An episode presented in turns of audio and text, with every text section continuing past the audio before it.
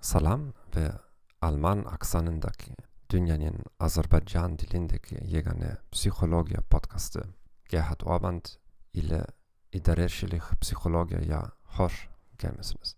Bugün Barnum efektinden danışacak psikologun ve psikoloji test veya anketin vazifesi ferdin özüne mehsus hususiyetlerini tesvir etmekti.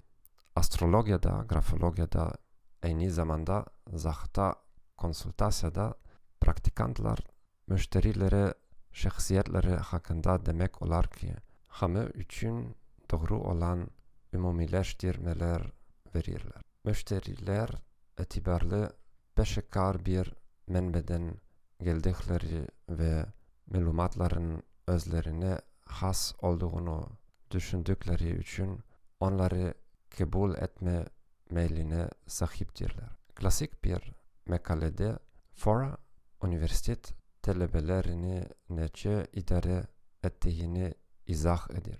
Onlara şahsiyet testleri verdi ve dedi daha sonra analiz edeceğini söyledi. Başka bir derste her bir talebeye kıymetlendirmesini geri verdi. Onlara hamimin ferdi kıymetlendirme alacağını söyledi. Aslında hamiya orijinal cevapları ile tamamıyla alakası olmayan aynı kıymetlendirme verdi.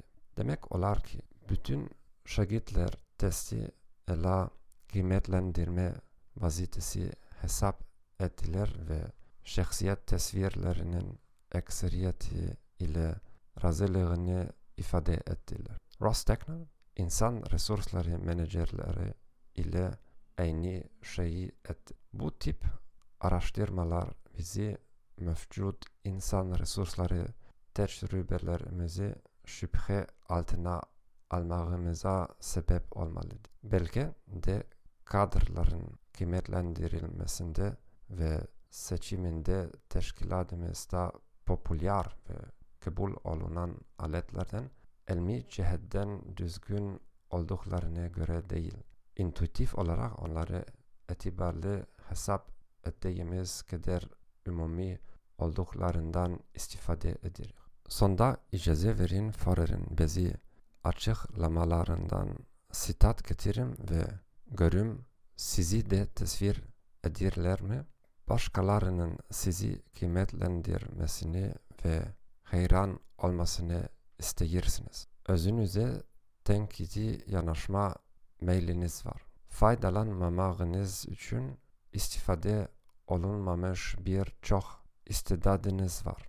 Bu podcast'ı dinlediğiniz için size teşekkür ederim. Sene güzel gün arzulayırım ve sağ olun.